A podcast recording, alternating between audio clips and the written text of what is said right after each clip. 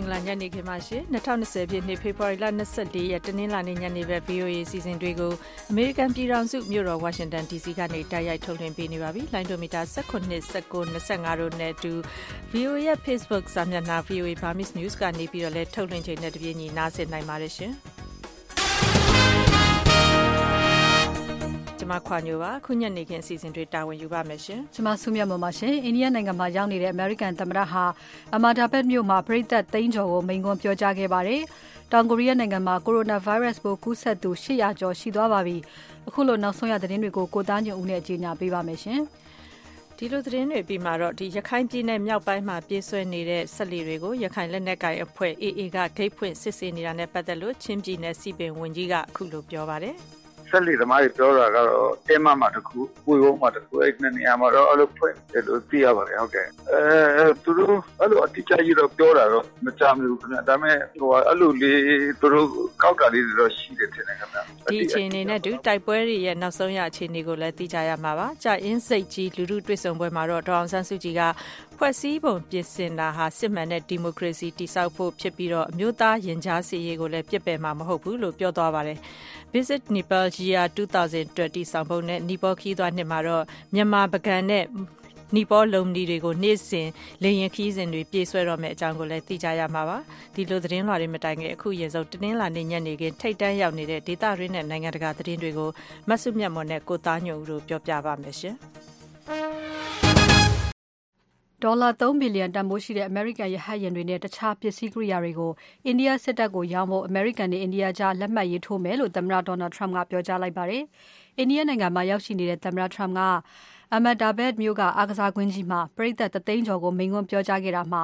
အမေရိကန်နဲ့ အိန္ဒိယကြား ကာကွယ်ရေးပူးပေါင်းဆောင်ရွက်မှုအရ စစ်လက်နက်ပစ္စည်းတွေ ရောင်းမယ်လို့အခုလိုပြောကြားသွားခဲ့ပါတယ်။ As we continue to build our defense cooperation The United States looks forward to providing India with some of the best and most feared military equipment. နှစ်နိုင်ငံစစ်ရေးပူးပေါင်းဆောင်ရွက်မှုကိုဆက်လက်တည်ဆောက်နေတာနဲ့အတူကမ္ဘာပေါ်မှာအကောင်းဆုံးနဲ့ခေတ်အမီဆုံး American စစ်လက်နက်ပစ္စည်းတချို့ကိုအိန္ဒိယကိုရောင်းချသွားမယ်လို့သမ္မတ Trump ပြောကြားသွားတာဖြစ်ပါတယ်။အဆင့်မြင့်လေကြောင်းရန်ကာကွယ်ရေးစနစ်အပြင်လက်နက်တပ်ဆင်ထားတဲ့အဝေးထိန်းရင်တွေရောလက်နက်မပါတဲ့အဝေးထိန်းလေယာဉ်တွေကိုပါရောင်းချသွားမယ်လို့သမ္မတကကြေညာသွားပါတယ်။ အကြမ်းဖက်မှုတိုက်ဖျက်ရေးအတူလက်တွဲဆောင်ရွက်သွားဖို့နှစ်နိုင်ငံလုံးတန်တိတ်ထန်ခိုင်မာတယ်လို့လည်းအမေရိကန်သမ္မတကပြောကြားခဲ့ပါတယ်။အိန္ဒိယနဲ့အမေရိကန်ကြားကုန်သွယ်ရေးဆိုင်ရာအခြေအတင်ဖြစ်နေချိန်တွားရောက်တဲ့အခုခီးစဉ်မှာကုန်သွယ်ရေးသဘောတူညီချက်ကိစ္စမပါဝင်ဘူးလို့သမ္မတ Trump ကအစောပိုင်းကပြောထားပေမဲ့ဒီကနေ့မိန့်ခွန်းပြောကြားစဉ်မှာတော့အိန္ဒိယနဲ့ အကြီးအကျယ်ဆုံးကုန်သွယ်ရေးသဘောတူညီချက်ရရှိအောင်လုပ်မယ်လို့ကတိပြုခဲ့ပါတယ်။အိန္ဒိယဝန်ကြီးချုပ် Narendra Modi ကလည်းအိန္ဒိယဟာအမေရိကန်အတွက်အခွင့်အလမ်းသစ်တစ်ခုအနေနဲ့ပေါ်ထွက်လာလိမ့်မယ်လို့ဆိုပြီးကုန်သွယ်ရေးသဘောတူညီချက်အတွက်အကောင်းမြင်ပြောကြားသွားပါတယ်။အစဉ်အလာအရမိတ်ဖက်တွေဖြစ်တဲ့နှစ်နိုင်ငံပေါင်းပြီးတော့ကဘာကြီးငြိမ်းချမ်းရေးလုံခြုံရေးတိုးတက်ရေးတွေကိုအတူတကွဆောင်ရွက်သွားနိုင်မယ်လို့ဝန်ကြီးချုပ် Modi ကဆိုပါတယ်။ သမ္မတ Trump နဲ့ သမ္မတကတော် Melania Trump တို့ဟာ ဒီကနေ့ အိန္ဒိယနိုင်ငံကို ရောက်ရှိလာပြီးမကြာခင်မှာပဲ လွတ်လပ်ရေးဖခင်ကြီးမဟာတမဂန္ဒီနေထိုင်သွားတဲ့နေအိမ်ကို ဝန်ကြီးချုပ်မိုဒီနဲ့အတူတွားရောက်ခဲ့ပါတယ်။အဲဒီနောက်တောင်းတောင်းဖြဖြ ကြိုးစုံနေကြတဲ့ပြည်သက်ကြီးကို မိန်ကွန်းပြောကြားခဲ့ပြီးတဲ့နောက်မှာတော့ နိုင်ငံမြောက်ပိုင်း Agra မြို့မှာရှိတဲ့ Taj Mahal ဂူဗိမ္မာန်ကို သမ္မတ Trump တွားရောက်ပါတယ်။အခုညပိုင်းကျရင်တော့ New Delhi မြို့တော်ကို သွားမှာဖြစ်ပါတယ်ရှင်။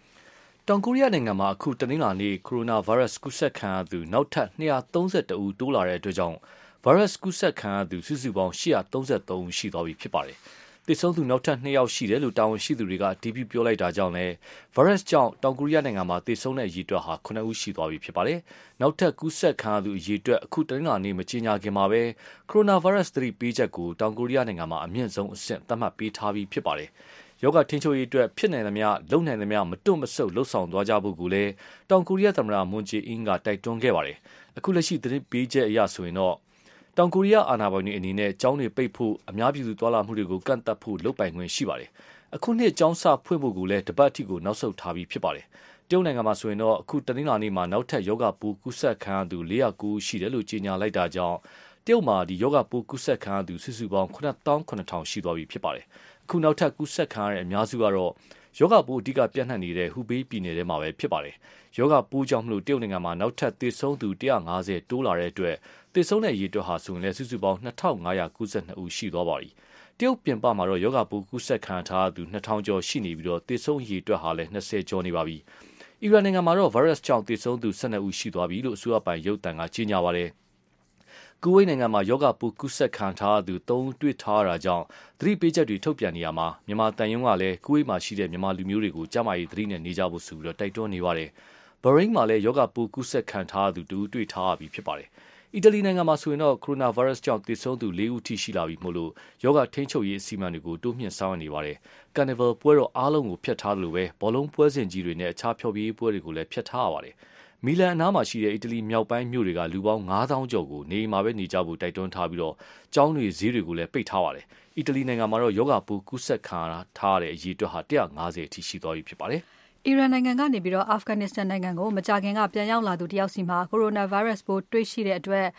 နိုင်ငံအနောက်ပိုင်းကဆေးရုံတစ်ခုမှာတီးခြားခွဲကုသပေးနေတယ်လို့အာဖဂန်တာဝန်ရှိသူတွေကပြောပါတယ်။ အိမ်နီးချင်း အီရန်မှာတော့ COVID-19 ရောဂါဖြစ်နေတယ်လို့ ပထမဆုံး စတင်သတင်းထုတ်ပြန်တဲ့ ပြီးခဲ့တဲ့ ဗုဒ္ဓဟူးနေ့ကစလို့ သေဆုံးသူ12ယောက်ထက်မနည်းရှိနေပြီးတော့ပိုးကူးစက်နေသူ40ကျော်ရှိနေပါတယ်။ Coronavirus ပိုးကူးစက်မှုကို တားဆီးနိုင်ဖို့ ကြိုးစားတဲ့အနေနဲ့ Herat မြို့မှာ အရေးပေါ်အခြေအနေ ကြေညာထားတယ်လို့ အာဖဂန်ကျန်းမာရေးဝန်ကြီး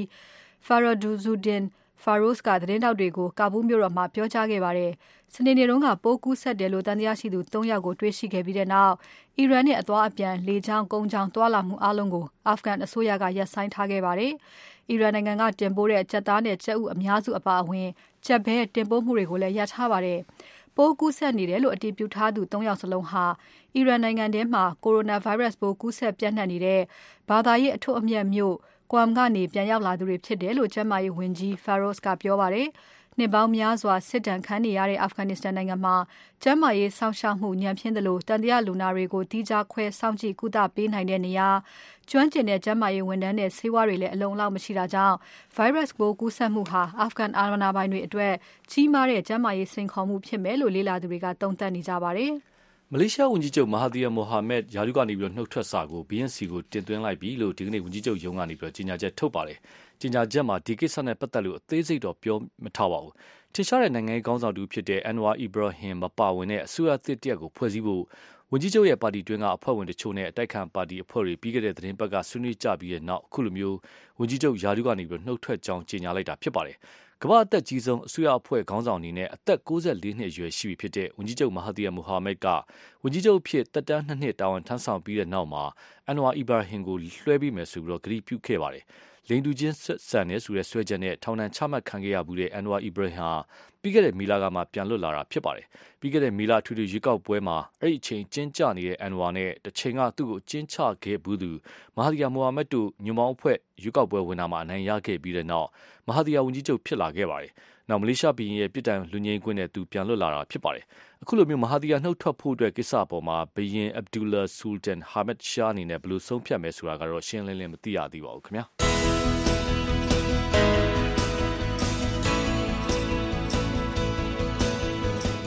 VOA American တန်ညနေပဲမြန်မာဘာသာအစီအစဉ်တွေကို ညနေ6နာရီခွဲကနေ ညနေ9နာရီထိ လိုင်းဒိုမီတာ7 kHz 10683ညလိုင်းဒိုမီတာ19 kHz 15563ညနဲ့လိုင်းဒိုမီတာ25 kHz 11965တို့ကနေထုတ်လွှင့်ပေးနေပါတယ်ရှင်။တနင်္လာနေ့ညနေပိုင်းနိုင်ငံတကာသတင်းတွေကို VOA ကဆက်ပြီးတော့ကြီးညာပေးနေပါတယ်။ အမေရိကန်အစိုးရနဲ့ အာဖဂန်နစ္စတန်က တာလီဘန်တို့ကြား9ရက်ကြာ အပြစ်အခတ်ရက်စဲမှု ဆက်လက်တည်မြဲနေတာကြောင့် ဒီသတင်းပတ်ထဲ စီစဉ်ထားတဲ့အတိုင်း တာလီဘန်တို့နဲ့ ငြိမ်းချမ်းရေးသဘောတူညီမှု လက်မှတ်ထိုးနိုင်လိမ့်မယ်လို့ အမေရိကန်သမ္မတ Donald Trump က တနင်္ဂနွေနေ့က ပြောကြားခဲ့ပါတယ်။အာဖဂန်အစိုးရနဲ့ တာလီဘန်တို့ကြားသတင်းတပတ်ကြာ တိုက်ခိုက်မှုတွေ မလုပ်ဖို့ သဘောတူခဲ့ပြီးတဲ့နောက် စနေနေ့တုန်းကအာဖဂန်နိုင်ငံတော်ဝန်အကြမ်းဖက်တိုက်ခိုက်မှုတွေကြာဆင်းသွားခဲ့ပြီးတဲ့နောက်အခုလို သမ္မတ Trump ကပြောကြားခဲ့တာပါ။ အစပိုင်းရက်တွေမှာသဘောတူညီမှုတည်မြဲနေပေမဲ့အာဖဂန်ငြိမ်းချမ်းရေးအတွက်နောက်ခြေလှမ်းလှမ်းဖို့ကျန်တဲ့ရက်တွေတိုးတက်မှုရှိမရှိကအဓိကကြတာမို့တပတ်လုံးအခြေအနေဘယ်လိုရှိသလဲဆိုတာစောင့်ကြည့်သွားမယ်လို့သမ္မတ Trump ကသတင်းတောက်တွေကိုပြောပါတယ်။ သဘောတူထားကြတဲ့အတိုင်းတစိတ်တစ်ပိုင်းအပြည့်ခတ်ရက်စဲမှုသဘောတူညီချက်အရအကြမ်းဖက်မှုတွေကြာဆင်းသွားခဲ့ရင်အမေရိကန်နဲ့တာလီဘန်တို့ကြားအလုံးစုံပါဝင်တဲ့သဘောတူညီမှုတစ်ခုကိုဒီသတင်းပတ်ကုန်ပိုင်းကျရင်ကာတာနိုင်ငံမှာလက်မှတ်ထိုးမှဖြစ်ပါတယ်။အဲ့ဒီသဘောတူညီချက်ရရင်တော့အာဖဂန်နစ္စတန်နိုင်ငံထဲမှာရှိနေတဲ့အမေရိကန်စစ်သားတွေကိုအချိန်စရာနဲ့ပြန်လည်ရုပ်သိမ်းနိုင်မှာဖြစ်ပါတယ်။ အမေရိကန်နဲ့ တာလီဘန်ကိုယ်စားလှယ်တွေကြားကတာနိုင်ငံဒိုဟာမြို့မှာ လွန်ခဲ့တဲ့တနှစ်ခွဲလောက်အတွင်း ညှိနှိုင်းပြီး သဘောတူညီချက်မူကြမ်းကို ရေးဆွဲခဲ့ကြပါတယ်။တစ်ချိန်တည်းမှာပဲကတာနိုင်ငံသားရေးဝန်ကြီးဌာန အကြီးတန်းတန်တမန်တယောက်ဟာ Afghanistan နိုင်ငံကာဘူးမြို့တော်ကို တနင်္ဂနွေနေ့က သွားရောက်ပြီးတော့သမ္မတ Ashraf Ghani အပြင် နိုင်ငံရေးမှာ အရေးပါသူတွေနဲ့ တွေ့ဆုံပြီး လက်မှတ်ရေးထိုးပွဲကိစ္စအပါအဝင် တခြားကိစ္စတွေ ဆွေးနွေးခဲ့ကြပါတယ်။ အီရန်တူရကီနယ်စပ်မှာ တနင်္ဂနွေနေ့က လှုပ်ခါတဲ့ဒီ9.9ပြင်းအားရှိတဲ့ ငလျင်ကြောင့်မလို့တူရကီနိုင်ငံမှာတော့လူ9ဦးသေဆုံးပြီးတော့အီရန်နိုင်ငံမှာ လူ65ဦးထက်မနည်း ထိခိုက်ဒဏ်ရာရခဲ့ပါတယ်။ဒီငလျင်ဟာ တူရကီနယ်စပ်နဲ့10ကီလိုမီတာလောက်ပဲဝေးတဲ့ အီရန်ရဲ့အနောက်ချမ်းအဇာဘိုင်ဂျန်ပြည်နယ်က Habish e Oya ကို ဗဟိုပြုပြီးလှုပ်ခတ်ခဲ့တာလို့ အမေရိကန် ငလျင်တိုင်းတာရေးဌာနက ကြေညာပါတယ်။ ဒါပေမဲ့လည်းငလင်ဒဏ်ကိုတူရကီနိုင်ငံ Vance ပြည်နယ်မှာကနဦးအဖြစ်ခံရပြီးတော့ကလေး၄ဦးအပါအဝင်လူ၉ဦးသေဆုံးခဲ့ရပါတယ်။38ဦးကထိခိုက်ဒဏ်ရာရပါတယ်။အိမ်တွေကျောင်းတွေအပျက်စီးပုံတွေကြားမှာအသက်ရှင်ကျန်ရသူတွေကိုတူရကီစစ်တပ်ကနေပြီးတော့တူးဆွရှာဖွေနေရမှာဒေသခံကြီးရွာသားတွေကလည်းကူညီရှာဖွေပေးနေပါတယ်။အီရန်နိုင်ငံမှာတော့အဆောက်အုံတွေပျက်စီးသွားပြီးတော့လူ65ဦးထက်မနည်းထိခိုက်ဒဏ်ရာရခဲ့ပါတယ်။နောက်ဆက်တွဲငလျင်တွေမှာလည်းဒီတနင်္ဂနွေနေ့မှာဆက်လှုပ်ခတ်ပြီးတော့အပြင်းဆုံးက6 6ပြင်းအားရှိပါတယ်။ တကယ်တော့တူရကီရောအီရန်နိုင်ငံဟာငလျင်တန်းကိုမကြာခဏခံစားရလေရှိသလိုအသေးပြောက်တွေလည်းစူးစူးဝါးဝါဖြစ်ခဲ့ဘူးပါတယ်တူရကီနိုင်ငံ Vance ပြည်နယ်မှာ2011ခုနှစ်ကလှုပ်ခတ်ခဲ့တဲ့ငလျင်တုန်းကဆိုရင်တော့လူ600ကျော်သေဆုံးခဲ့ပါတယ်2018ခုနှစ်တုန်းကလည်းအီရန်နိုင်ငံကမရှာပြည်နယ်မှာငလျင်လှုပ်တော့လူ620သေဆုံးခဲ့ပါတယ်အီရန်နိုင်ငံမှာအဆိုးဆုံးကတော့1990ခုနှစ်ဇွန်လတုန်းကဒီပြင်းအား9.4နဲ့လှုပ်ခတ်ခဲ့တဲ့ငလျင်ဖြစ်ပြီးတော့အဲဒီတုန်းကအီရန်မြောက်ပိုင်းမှာလူ4000သေဆုံးခဲ့ရပူပါတယ်။ အမေရိကန် ထိပ်တန်းလျှို့ဝှက်အချက်အလက်တွေကို လူသိရှင်ကြားထုတ်ပြန်မှုနဲ့ အမေရိကန်ကအလိုရှိနေတဲ့ WikiLeaks website တည်ထောင်သူ Julian Assange ကို အမေရိကန်အစိုးရလက် လွှဲပေးသင့်မသင့် ကြားနာမှုကို ဗြိတိန်နိုင်ငံ လန်ဒန်မြို့တရားရုံးတစ်ခုမှာ ဒီကနေ့ စတင်ပါတယ်။တရှို့လုံးမှု ကွန်ပျူတာတွေကို ကြားဖောက်ခိုးဝင်မှုတို့နဲ့ တရားစွဲထားတဲ့ အမေရိကန်အစိုးရကိုစားပြု ရှေ့နေတွေဘက်က Woolwich Crown တရားရုံးမှာ တရားသူကြီးကို တင်ပြလျှောက်ထားကြပါတယ်။အမေရိကန်နိုင်ငံသားရေးဌာနက လျှို့ဝှက်အချက်အလက်တွေ၊အီရတ်နဲ့ Afghanistan နိုင်ငံတွေက စစ်ဆင်ရေးအသေးစိတ် Pentagon စစ်ဌာနချုပ်က အချက်အလက်တွေအပြင် နိုင်ငံခြားရေးဌာနနဲ့ ကမ္ဘာတဝန်း သံရုံးတွေကြား အပြန်အလှန် ဆက်သွယ်တဲ့ email တွေကို WikiLeaks website ပေါ်မှာ ဖော်ပြမှုနဲ့ တရားစွဲတာဖြစ်ပါတယ်။ Direct from Washington, the Voice of America, VOA တနင်္လာနေ့ညနေခင်းထိပ်တန်းရောက်နေတဲ့ဒေသတွင်းနဲ့နိုင်ငံတကာသတင်းတွေကိုမဆုမြတ်မွန်နဲ့ကိုသားညွန့်တို့ပြောပြခဲ့တာပါရှင်။ခုမြန်မာပြည်ဆိုင်ရာသတင်းလွှာတွေဇက်တိုက်ထုတ်လွှင့်ပေးသွားပါမယ်။ရခိုင်ပြည်နယ်မြောက်ပိုင်းကကြောက်တော်နဲ့ချင်းပြည်နယ်ပလက်ဝမြို့နယ်ပြေးဆွဲနေတဲ့ဆက်လေတွေကို ရခိုင်လက်နက်ကိုင်အဖွဲ့ AA က တားဆီးစစ်ဆေးနေတယ်လို့ ချင်းပြည်နယ်အစိုးရအဖွဲ့က ပြောပါတယ်။ချင်းပြည်နယ်နဲ့ကြောက်တော်မြို့နယ်တွေဘက်မှာ တိုက်ပွဲတွေလည်း ပြင်းထန်နေတာကြောင့် အရပ်သားတွေ ထိခိုက်ဒဏ်ရာရတာတွေလည်း ရှိနေတယ်ဆိုတဲ့အကြောင်း အပြည့်အစုံကိုတော့ VOA မြန်မာပိုင်းသတင်းတောက် ကိုသက်နိုင်က မေးမြန်းတင်ပြထားပါတယ်ရှင်။ရခိုင်မြောက်ပိုင်းကကြောက်တော်မြို့နယ်နဲ့ ပလောဝတ်မြို့နယ်ကို ပြေးဆွေးနေတဲ့ဆက်လေတွေကိုအဲအဖွဲ့က ဂိတ်ဖွင့်ပြီးတော့ စစ်ဆေးနေတာတွေ ရှိတယ်လို့ရှင်းပြည်နယ်ဆိုရအဖွဲ့ ပြောခွင့်ရစေဗင်တာရေးဝန်ကြီး ဦးစိုးထက်က ပြောပါတယ် ဟုတ်ကဲ့အခုဆက်လီသမားတွေပြောတာကတော့တင်းမမှာတခုပွေဝုံးမှာတခုအဲ့နှစ်နေရာမှာတော့အဲ့လိုဖွင့်တယ်လို့သိရပါတယ်ဟုတ်ကဲ့အဲသူတို့အဲ့လိုအတိအကျကြီးတော့ပြောတာတော့မကြမ်းဘူးခင်ဗျဒါပေမဲ့ဟိုအဲ့လိုလေးသူတို့ကောက်တာလေးတွေတော့ရှိတယ်ထင်တယ်ခင်ဗျအတိအတိကျဘလောက်ဘလို့ဆိုတော့မရှိလို့မဲ့ကောက်တော့ကောက်တယ်ထင်တယ်ခင်ဗျရှိတယ်ခင်ဗျမနေ့ကစပြီးတော့အတက်ဆက်လီရောအစင်ဆက်လီရောဒီနေ့တွေရောပေါ့နော်အဲ့လိုအတက်အစင်ဆက်လီတွေတော့သွားနေပါ တယ်တလောကပြိမိတဲ့ဆက်လေဆက်တစည်းနဲ့ပလောကကိုရောက်သွားပြီအခုဒီလိုသူတို့အသွားလာတော့ရှိနေတယ်ကြောက်တော်နဲ့ပလောကကိုပြေးဆွေးနေတဲ့ဆက်လေတွေကိုစစ်ဆေးနေတာဟုတ်ပေမဲ့ဂိတ်ဖွင့်ပြီးတော့စစ်ဆေးနေတာမဟုတ်ဘူးလို့အေဖွေးပြောခွင့်ရခိုင်ဒုက္ခကပြောပါတယ်ဒီဟာကတော့ကျွန်တော်တို့ဒီတိုက်ပွဲဖြစ်နေတဲ့အချိန်မှာဒီဟိုဒီစစ်ပွဲဟိုဖြစ်နေတဲ့နေရာတွေမှာတော့ကျွန်တော်တို့ဒီလုံခြုံရေးအရာဟိုစစ်ဆေးမှုတွေကတော့ရှိတယ်။ဘာကြောင့်လဲဆိုလို့ရှိရင်မြန်မာစစ်တပ်ရဲ့ဒီဟို လက်နဲ့ခရမ်းမိကြောက်ရိုက်ခါတွေနော်ဒီကလဒန်အထက်ပိုင်းကိုသူတို့ဒီဟိုညီမျိုးစုံနဲ့နေပြီးတော့ပို့ဖို့စ조사နေတာရှိတယ်အဲ့ဒါကြောင့်မို့လို့ကျွန်တော်တို့ကအဓိကတော့ဒါမြန်မာစစ်တပ်ရဲ့ရိုက်ခါတွေဟိုလက်နဲ့ကြီးဒီစစ်လက်နဲ့ကြီးစီးတွေဟိုမထောက်ပံ့နိုင်ဖို့အတွက်ဒါဟိုလိုအပ်တဲ့စစ်ဆေးမှုတွေတော့ဖြစ်ဒီဟာကတော့ကျွန်တော်တို့ guide ဖွင့်ထားတဲ့ပုံစံမျိုးတော့မဟုတ်ဘူးကျွန်တော်တို့ဒီလိုအပ်တဲ့နေရာတွေမှာเนาะဒီဟိုဥစ္စာပေါ့เนาะအထင်ကြီးသလိုဟိုဒီ အဲ့ဒီမှာဒီသက်တမ်းသွားလာမှုတွေကိုစစ်ဆေးတာဖြစ်တယ်ဒါပေမဲ့ဒီပြည်သူလူထုတွေအတွက်ဟိုဒီကလရန်အထက်ပိုင်းကိုဒီဘလောဝမျိုးနဲ့ထဲကိုဟိုတင်နေတဲ့ဒီဆက်နေတွေကိုတော့ကျွန်တော်တို့ဘက်ကတော့ဒါဘာမှဟိုတားရှိတာဟိုကန့်တတ်တာဘာမှမရှိဘူးနော်ဟိုအဲ့ဒီမှာကျွန်တော်တို့အရင်နေ့တွေကထုတ်ပြန်ထားသလိုပဲအများပြည်သူအသုံးပြုဖို့အတွက်ဒေသခံပြည်သူတွေရဲ့ပြည်စီမှန်လို့ရှိရင်ကျွန်တော်တို့ကဘာမှတားဆီးကြအကြောင်းမရှိဘူးမနေ့ကလည်းကြောက်တော်နဲ့ပလောဝတ်မြို့နယ်တွေမှာတိုက်ပွဲဖြစ်ပွားခဲ့တယ်လို့ဒီကနေ့မှလည်းတိုက်ပွဲတွေဆက်လက်ဖြစ်ပွားနေတယ်လို့ခိုင်ဒုခကပြောပါတယ် ပလောဝတ်မြို့ရဲ့ဒီနောက်တော့ပေါ့နော်အဲဒီမှာ1886တောင်ကုန်းအဲ့ဒီမှာတော့တိုက်ပွဲတွေဆက်ဖြစ်တာရှိနောက်ပြီးလို့ရှိရင်အရင်နေ့တွေကတိုက်ပွဲပြင်းထန်နေတဲ့ပလောဝတ်မြို့နယ်မီးရှောင်းတရားထိုက်ကဟိုဒီမှာစစ်တပ်ရဲ့ဒီလက်နက်ကြီးကြီးတစ်ခုပေးနေတဲ့သူအဖုံပေါ့နော်အဲ့ဒီမှာလည်းပဲတိုက်ပွဲကိုဆက်ဖြစ်တာရှိတယ်နောက်ပြီးလို့ရှိရင်တဲမရွာတည့်ရဲ့ဒီအစ်မြောက်ပွဲပေါ့နော်အဲ့ဒီနေရာမှာလည်းပဲတိုက်ပွဲတွေဆက်ဖြစ်နေတာတော့ ဒီကနေ့မနက်ပိုင်းကလည်းကြောက်တော်မြို့နယ်တိမ်မကြီးရွာမှာလက်နက်ကြီးကြီးကြပြီးတော့မြို့သမီးတဦးဒဏ်ရာရရှိခဲ့ပြီးကြောက်တော်မြို့နယ်ဆေးရုံကိုပို့ဆောင်နေတယ်လို့တိမ်မကြီးရွာကမအောင်တိုင်းတွေကပြောပါတယ်။အော်အဲ့ဟာအဲ့မကြီးကရေသွားခက်တာ။သမီးတို့ညီမတို့ကအနောက်ဘက်မှာရေမြေချောင်းချောင်းချောင်းလေးတစ်ခုရှိရမလား။အဲ့မှာရေတွင်းနဲ့ရှိရတောက်ရီကအေးအေးတွန်းတောက်ကြတာ။အမရေသွားခက်တာဒီကဒီကလာမှမသိဘူး။အမကလည်းအိမ်ကိုပြေးလာမှပဲသိတာ။ညီမတို့လည်းဘာမှမသိဘူး။ဒီကလာမှတော့မသိဘူး။အော်ရှင်းနာရီလောက်မှပြောရဲ့ မနေ့ကလေးကတော့လေဟိုအတန်ရောကြားတယ်အတက်ပွေးဖြစ်တာလားဖြစ်တာညီမတို့လည်းမသိဘူးအတန်ကြားတယ်ညီမတို့ကအိမ်ထဲမှာပဲနေရတာဟုတ်နည်းနည်းတော့ပြင်းတယ်အတန်ရဝင်သွားဝင်တာနဲ့ထွက်တာနှစ်ပေါက်ပေါင်ပေါင်ရင်းမှာညာဖက်မှာမဟုတ်ဘူးလမ်းမှာပဲရှိသေးတယ်သမီးတို့ညီမတို့စက်နေနေလာတော့ကြောက်တော်မြို့နယ်တိမ်မကြီးရွာဖက်မှာတိုက်ပွဲဖြစ်ပေါ်နေတာနဲ့ပတ်သက်ပြီးအနောက်ပိုင်းတိုင်းစစ်ဌာနချုပ်ပြောခွင့်ရဗိုလ်မှူးကြီးဝင်းစောဦးကခုလိုပြောပါတယ်ကြောက်တော်ပဲပြင်မတိုက်ပွဲဖြစ်တာဘူးမှမရပဲအဲဒီငါခုနပြောတဲ့နေရာမှာပဲ ကားနေဖြစ်တာဘူးမှဘေးရသူဟလာအမမမရှိတာနော်အောက်ကနေချက်လာတဲ့တက်လေးလေးကြားနေတယ်ကနေပါလေးတောင်းတယ်အဲ့ဒါကျွန်တော်လည်းသိတာမျိုးကြည့်ရတယ်အဲ့ဒါအေးရတောင်းနေတာနော်ကျွန်တော်တို့ကပုံမှန်နေပြီးရှင်းရှင်းလုပ်ရတယ် ဒါလည်း ကိုကြောင့်ကိုယ်ကနေတောင်းနေပါအောင်ဘယ်လိုလုပ်ပြီးတော့ကြောက်တော်မျိုးပေါ်မှာ ပြီးခဲ့တဲ့ ရက်ပိုင်းလောက်က ဖြစ်ပေါ်ခဲ့တဲ့ တိုက်ပွဲတွေကြောင့် အရသာသုံး ဦးတန်ရာရရှိခဲ့တယ်လို့လက်ရှိချိန်မှာလည်းကြောက်တော်မျိုးတွင်းမှာ တပ်မတော်ဘက်က စစ်ဆေးမင်းမြန်းတာတွေ လုပ်နေတယ်လို့ကြောက်တော်ဒေသခံတူကပြောပါတယ်ဟုတ်ကဲ့ကိုဒီနေ့ကြောက်တော်မျိုးအခြေအနေကတော့ လူတော်လူလားတော့ သိနေပါတယ်ဒီမျိုးတွင်းခေတ်မှာ စစ်သားတွေက နေရာယူပြီးတော့ဟိုဟာဟိုရှာဖွေမှုတွေ ပြုလုပ်နေတယ်ခင်ဗျ အဲအကြောင်းလူတော်လူလာတွေကတော့နေပါတော်ပြီးတော့မှသိသိနေပါတယ်ဒီကျောင်းသားတွေ စာမဝေးပြေဖို့သွားတဲ့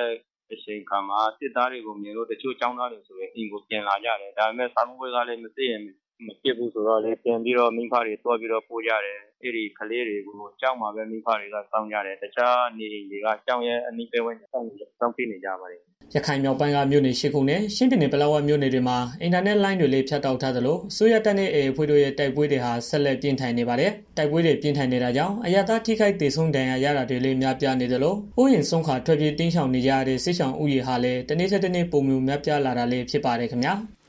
ရခိုင်နဲ့ ချင်းပြည်နယ်ဘက်ကနေမြေလုံခြုံရေး နောက်ဆုံးရ အခြေအနေတွေကို ကိုသက်နိုင်စူးစီးတင်ပြခဲ့တာပါရှင်အခု ကြာရင်စိတ်ကြီးက လူမှုစီဝေးဘက်မှာတောင်းဆန်းစုကြည်ပါပြောခဲ့တယ်ဆိုတာ သိကြရပါမယ်။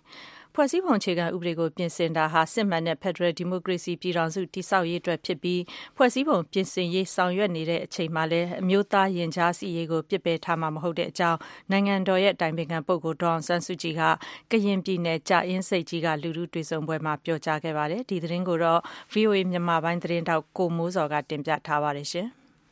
ဟုတ်ကဲ့ဒီလ24ရက်နဲ့25ရက်နေ့တွေမှာကရင်ပြည်နယ်ကကော့ကရိတ်ဂျိုင်းစိတ်ကြီးလှိုင်းပွဲနဲ့မြောက်ရီမြို့တွေကိုတွားရောက်ပြီးဒေသခံလူထုနဲ့တွေ့ဆုံပွဲပြုလုပ်မဲ့နိုင်ငံတော်အတိုင်ပင်ခံပုဂ္ဂိုလ်ဒေါအောင်ဆန်းစုကြည်ဟာဒီကနေ့နေ့လယ်ပိုင်းမှာတော့ဂျိုင်းစိတ်ကြီးဇမိခမ်းမမှာလူထုနဲ့တွေ့ဆုံခဲ့ပါတယ်ဖွဲ့စည်းပုံအခြေခံဥပဒေပြင်ဆင်ဖို့လုပ်နေတာဟာစစ်မှန်တဲ့ Federal Democracy ပြည်ထောင်စုတည်ဆောက်ရေးအတွက်လို့ဒေါအောင်ဆန်းစုကြည်ကသူ့မိန့်ခွန်းမှာအခုလိုထည့်သွင်းပြောကြားပါတယ်ကျမတို့ကနေတော့ဖွဲ့စည်းပုံအခြေခံဥပ ဒေကိုပြင်ပြောင်းလဲခြင်းနဲ့ဆိုတာရည်အချက်မရှိဟုတ်ပါဘူး။ကျမတို့နိုင်ငံကိုစစ်မှန်တဲ့ Federal Democracy နိုင်ငံဖြစ်စေခြင်းလို့ဒီဖွဲ့စည်းပုံအခြေခံဥပဒေကိုပြောင်းလဲခြင်း။စစ်မှန်တဲ့ Federal Democracy နိုင်ငံဖြစ်လို့ဖြစ်ရဖြစ်ဖို့လိုတဲ့အချက်အလက်တွေကျမတို့ကဖွဲ့စည်းပုံအခြေခံဥပဒေထဲမှာပါဝင်စေခြင်းဖြစ်ပါတယ်။ဒီလိုကျမတို့လုပ်တဲ့အချိန်မှာပဲဘယ်တော့မှကျမတို့မပြည့်တဲ့ကိစ္စဘယ်ဥတည်နေတာမျိုးသားရည်ရည်ရားစိတ်ပဲဖြစ်တယ်ဆိုတာ ကိုကျွန်တော်တို့မမေ့ပါဘူးဒါလည်းကျွန်တော်တို့ရဲ့အာမျိုးသားဒီမိုကရေစီဖွဲ့ရစတဲ့ထူထောင်ကြတဲ့အမျိုးသားပြန်တဲ့ရည်ရားစိတ်ကိုဥတည်နေဆိုတော့ကျွန်တော်တို့ပြောထားတယ်ဒီအဲ့ဒီတော့ကမျိုးသားရည်ရားစိတ်ရေးဆိုပြီးတော့ပြောတာဘာကိုပြောနေရလဲဆိုတော့ဒီမိုကရေစီကိုယုံကြည်တဲ့အတိုင်းဝိုင်းတွေနဲ့ဒီမိုကရေစီကိုမယုံကြည်တဲ့အတိုင်းဝိုင်းတွေကြားထဲမှာဒီကြားစိတ်ကိုဒါကိုကျွန်တော်တို့အဓိကပြောခဲ့ရတယ် ပြည်ထောင်စုလွှတ်တော်မှာ ဖွဲ့စည်းပုံအခြေခံဥပဒေပြင်ဆင်ရေး စတင်ဆွေးနွေးဖို့ လုပ်နေချိန်မှာပဲ အခုလို ပြောဆိုတာဖြစ်ပါတယ်။ကော့ကရိတ်မြို့ နှစ်တကူကွင်းမှာ ဒီကနေ့ မနက်10နာရီလောက်က ပြုလုပ်တဲ့ လူထုတွေ့ဆုံပွဲမှာတော့ ဒေါ်ဆန်းစုကြည်က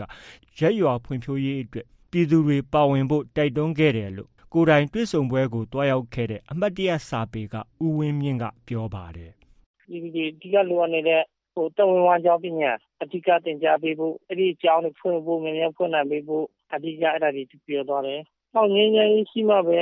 ရရတွေဖွင့်ပြမဆိုတဲ့အကြောင်းငင်းငင်းရေးလူတွေလူလူပြည်သူပါဝင်ဆောင်ရွက်ဖို့စိုးရတစ်ခုတည်းလုပ်လို့မရဘူးဆိုတဲ့အကြောင်းဆက်ပြောတော့ရှားကိစ္စတော့မြေယာကိစ္စတော့ဘာလို့အဲ့ဒါတွေကိုပြောတာပေါ့တော့အရာဒေသလူတော်တော်များများလာကြတယ်လူတပေါင်းကျော်ပဲထင်တယ်ခေါက်တိုင်းကိုဒီမဆန်တော့ဒီနားမှာတာဘာတွေပဲခင်းပြီးထိုင်ရတယ် ကော့ဂရိတ်လူထုတွေအနေနဲ့ မူရစီဝါနဲ့ လောင်းကစားကိစ္စ အာရှလမ်းမကြီးရဲ့ ကော့ဂရိတ် ကျုံတို့အိမ်တုတာမည လမ်းပိုင်းဖောက်လို့ရမှာတဘာဝပတ်ဝန်းကျင် ထိခိုက်တာ လူခွင့်ချိုးဖောက်မှု ရှိနေတာတွေကိုတော့ မတင်ပြနိုင်ခဲ့ကြောင်း ပြောပါတယ် ဒီကနေ့ ဒေါန်ဆန်းစုကြည်တွားရောက်ခဲ့တဲ့ ကရင်ပြည်နယ်ခီးစဉ်ကိုတော့ ကရင်ပြည်နယ် အစိုးရအဖွဲ့ စီမံကိန်းဗန္ဒာရေးနဲ့စီပင်သားရေး ဝန်ကြီးဌာန ဝန်ကြီး ဦးတန်းနိုင်က အခုလို ပြောပါတယ် မနေ့ပိုင်းမနေ့ပိုင်းမူကော့ကရိတ် တနိုင်ခွဲကြတယ်လူလူဆုံးပဲလုပ်တယ်အဲတော့ဆက်နိုင်မှာကျွန်တော်တို့ကြိုင်းစိတ်ပြင်လာတယ်အဲပြင်လာပြီးတော့ကြိုင်းစိတ်ကြီးသမိခမမှာလူလူကတော့လုပ်ပြီးတော့3နိုင်မှာပြီးပါတယ်3နိုင်မှာပြီးပြီးတော့နတ်တလတင်နန်းကြောင်းသွားပြီးတော့ခလေးတွေနဲ့သွားပြီးတော့ဝိုင်းဖွဲ့စကားပြောတာပေါ့နော်အဲ့ဒါပြီးတော့အခု၄နိုင်မှာမော်နယ်ပြန်တော့ပြီခင်ဗျာမနက်ဖြန်မှာတော့လှိုင်းပွဲနဲ့မြဝတီမြို့တွေကိုတွားရောက်မှာဖြစ်ပါတယ်။ ဒေါ်ဆန်းစုကြည်ဟာ ဒီနှစ်ပိုင်းအတွင်းမှာတော့ ကချင်၊ကယား၊ရှမ်း၊ချင်း စတဲ့ပြည်နယ်တွေနဲ့ စစ်ကိုင်းတိုင်းဒေသကြီး နာဂကိုယ်ပိုင်အုပ်ချုပ်ခွင့်ရဒေသတွေကိုတွားရောက်ခဲ့ပြီး ဒေသခံပြည်သူတွေနဲ့ တွေ့ဆုံဆွေးနွေးခဲ့ပါတယ်။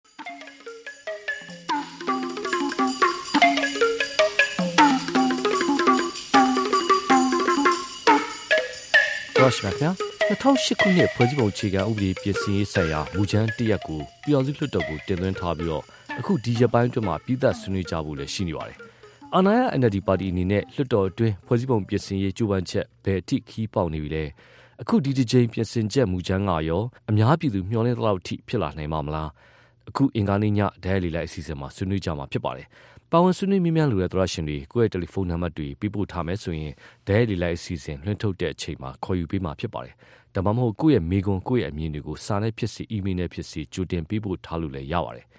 VOA မြန်မာပိုင်းရဲ့ဖုန်းနံပါတ်က12329825554ဖြစ်ပါတယ်။ email လိပ်စာက burmese@voanews.com ဖြစ်ပါတယ်။ပါဝင်ဆွေးနွေးမြများကြမဲ့သရရှင်တွေကိုကျေးဇူးပါတယ်ခင်ဗျာ။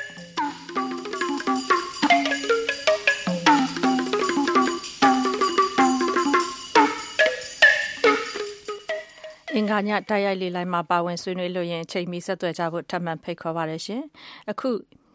နီပေါနဲ့ မြန်မာ နှစ်နိုင်ငံကြားမှာလေကြောင်းခရီးစဉ်တစ်ခု စတင်မဲ့အကြောင်းကိုပြောပြပါမယ်။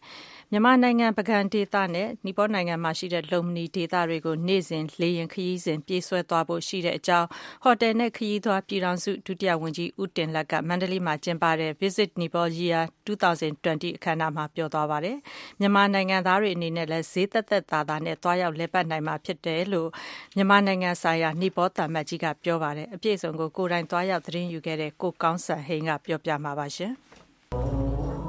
ဗုဒ္ဓဘုရားရှင်ဖွားမြင်တော်မူတဲ့လုံမဏီဥယျာဉ်ဘုရားပွင့်တော်မူတဲ့ဗုဒ္ဓဂယာနဲ့မြမရှေးဟောင်းယဉ်ကျေးမှုနေမည်ဖြစ်တဲ့ပကံဒေသတွေကိုနေ့စဉ်လေရင်ပြေးဆွဲနိုင်ဖို့ကြိုးစားနေတယ်လို့ဟိုတယ်နှင့်ခီးသွွားပြည်တော်စုဒုတိယဝန်ကြီးဦးတင်လက်ကမန္တလေးမှာကျင်းပတဲ့ Visit Nepal Year 2020အခမ်းအနားမှာအခုလိုပြောပါတယ်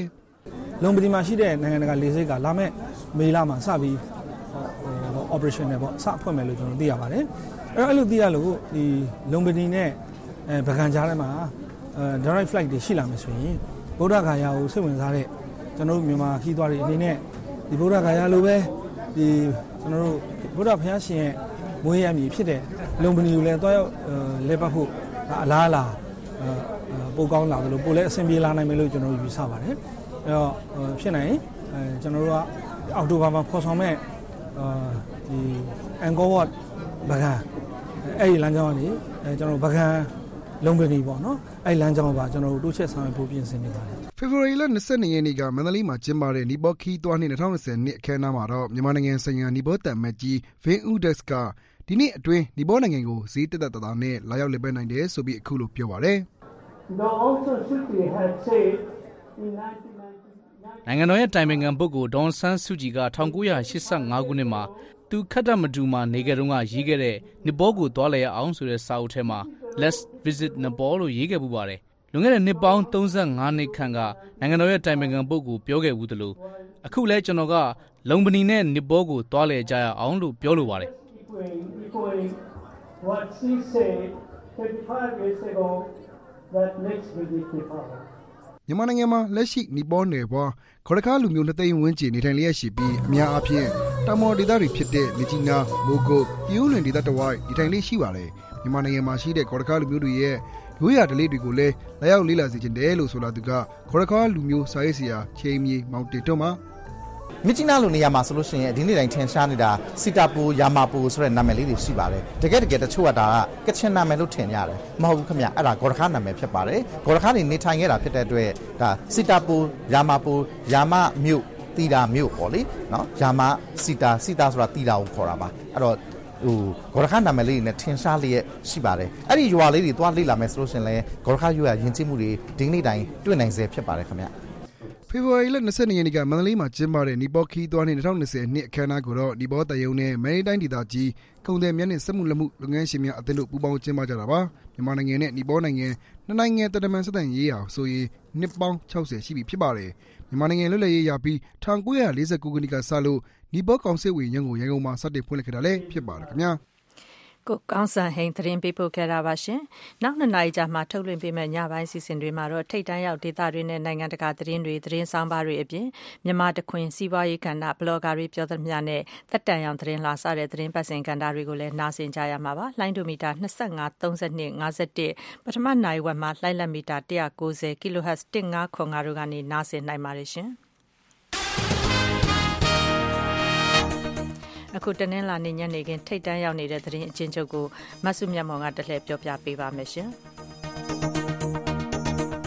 ဒေါ်လာ3ဘီလီယံတန်ဖိုးရှိတဲ့အမေရိကန်ရဟတ်ယာဉ်တွေနဲ့တခြားပစ္စည်းကိရိယာတွေကိုအိန္ဒိယစစ်တပ်ကိုရောင်းဖို့အတွက်အမေရိကန်နဲ့အိန္ဒိယနိုင်ငံကြားလက်မှတ်ရေးထိုးမယ်လို့သမ္မတဒေါ်နယ်ထရမ့်ကကြေညာပါတယ်။အိန္ဒိယနိုင်ငံမှာရောက်ရှိနေတဲ့သမ္မတထရမ့်ကအမာတာဘတ်မြို့ကအားကစားကွင်းကြီးမှာပြည်သက်သိန်းကျော်ကိုမိန့်ခွန်းပြောကြားခဲ့တာမှာအမေရိကန်နဲ့အိန္ဒိယကြားကာကွယ်ရေးပူးပေါင်းဆောင်ရွက်မှုအရဆက်လက်နဲ့ပစ္စည်းတွေရောင်းမယ်လို့ပြောကြားသွားခဲ့ပါတယ်။ သမ္မတ Trump နဲ့ သမ္မတကတော် Melania Trump တို့ဟာ ဒီကနေ့ အိန္ဒိယနိုင်ငံကို ရောက်ရှိလာပြီး မကြာခင်မှာပဲ လွတ်လပ်ရေးဖခင်ကြီးမဟာတမဂန္ဒီနေထိုင်သွားတဲ့ နေအိမ်ကို ဝန်ကြီးချုပ်မိုဒီနဲ့အတူတွားရောက်ခဲ့ပါတယ်။အဲဒီနောက်တောင်းတောင်းဖြားဖြားကြိုးဆိုနေကြတဲ့ပြည်သက်ကြီးကို မိန်ကွန်းပြောကြားခဲ့ပြီးတဲ့နောက်မှာတော့ နိုင်ငံမြောက်ပိုင်း Agra မြို့မှာရှိတဲ့ Taj Mahal ဂူဗိမာန်ကို သမ္မတ Trump တွားရောက်ပါတယ်။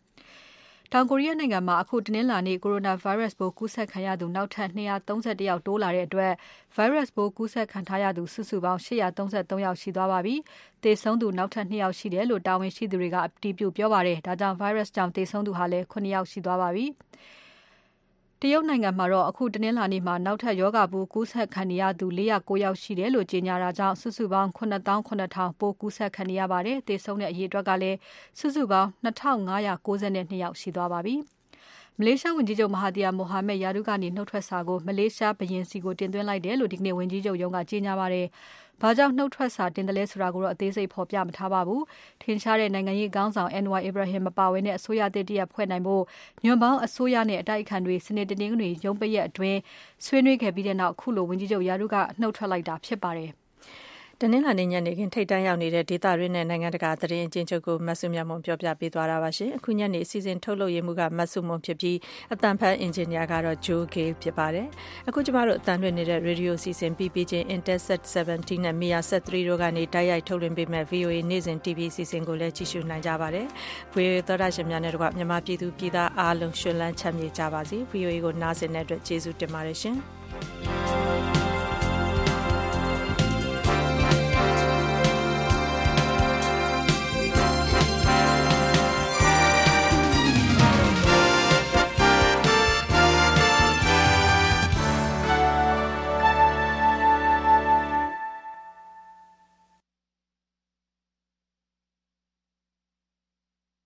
This program has come to you from the Voice of America, Washington.